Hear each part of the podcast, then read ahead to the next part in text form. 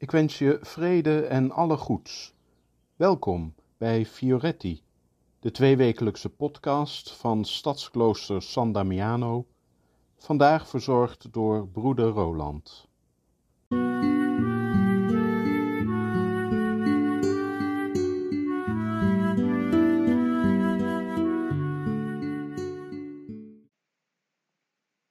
Van 19 tot en met 26 september is de Vredesweek. Bij ons voor het klooster wappert dan de Vredesvlag.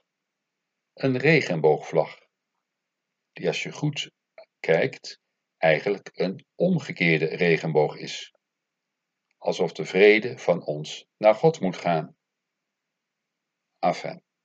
In ieder geval komt de Vredesweek elk jaar terug, omdat de vrede onze aandacht blijft vragen maar ook omdat vrede zoveel kanten heeft.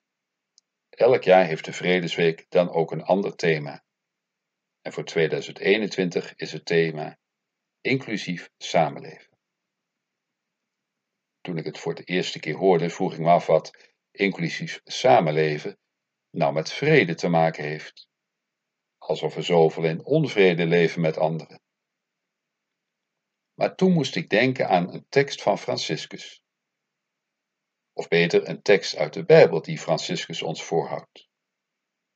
Het is een Bijbeltekst met de opdracht: In welk huis ge ook binnengaat, laat je eerste woord zijn vrede aan dit huis. Het is een tekst die Franciscus meerdere malen in zijn geschriften herhaalt, alsof hij iets wil benadrukken of iets wil wijzen, wat blijkbaar te vaak ziet gebeuren of te vaak juist niet ziet gebeuren. Hij wijst er met nadruk op dat de wens van vrede en al het goede is bestemd voor elk huis. Wat doet vermoeden dat dit niet gebeurt? Blijkbaar was het niet vanzelfsprekend dat bij elk huis het woord vrede het eerste over de lippen kwam. Blijkbaar werd die wens wel eens ingeslikt of vielen er ook wel eens andere woorden die wat anders wensten.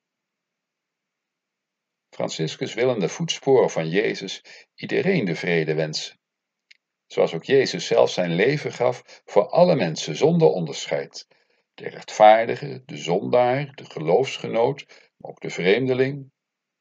Voor ieder wenste hij dat ze samen zouden leven in zijn rijk van vrede. Zou ik ook werkelijk als eerste vrede en alle goeds aan iedereen kunnen wensen?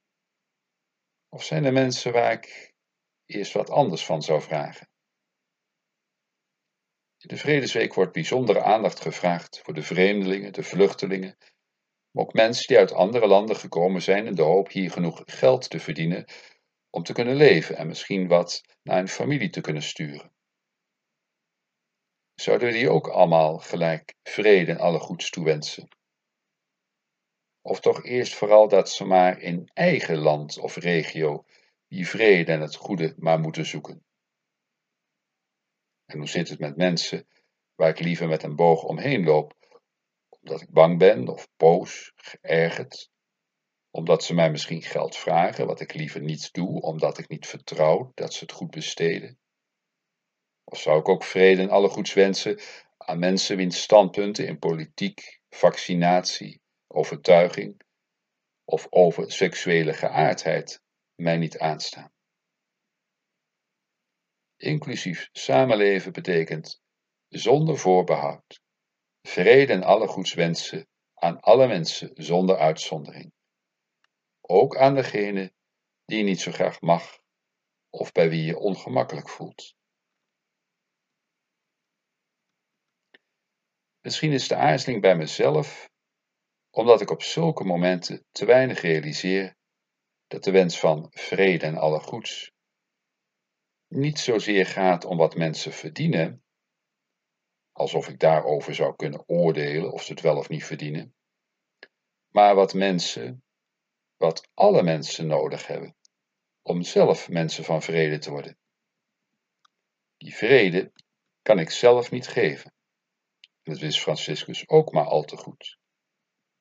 Daarom zei hij ook, je moet zeggen, de Heer geeft je vrede.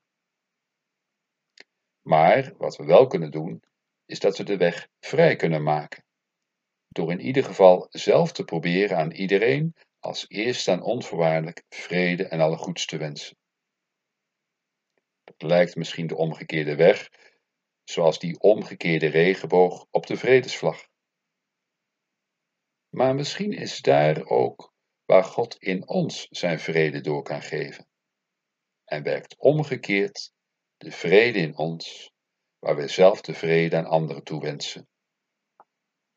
Op die weg wens ik ons allen van harte vrede en alle goeds.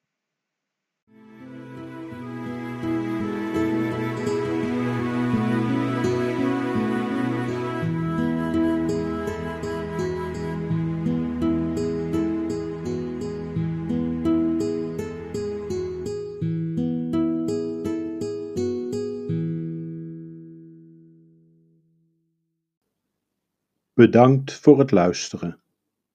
Tot over twee weken en tot die tijd vrede en alle goeds.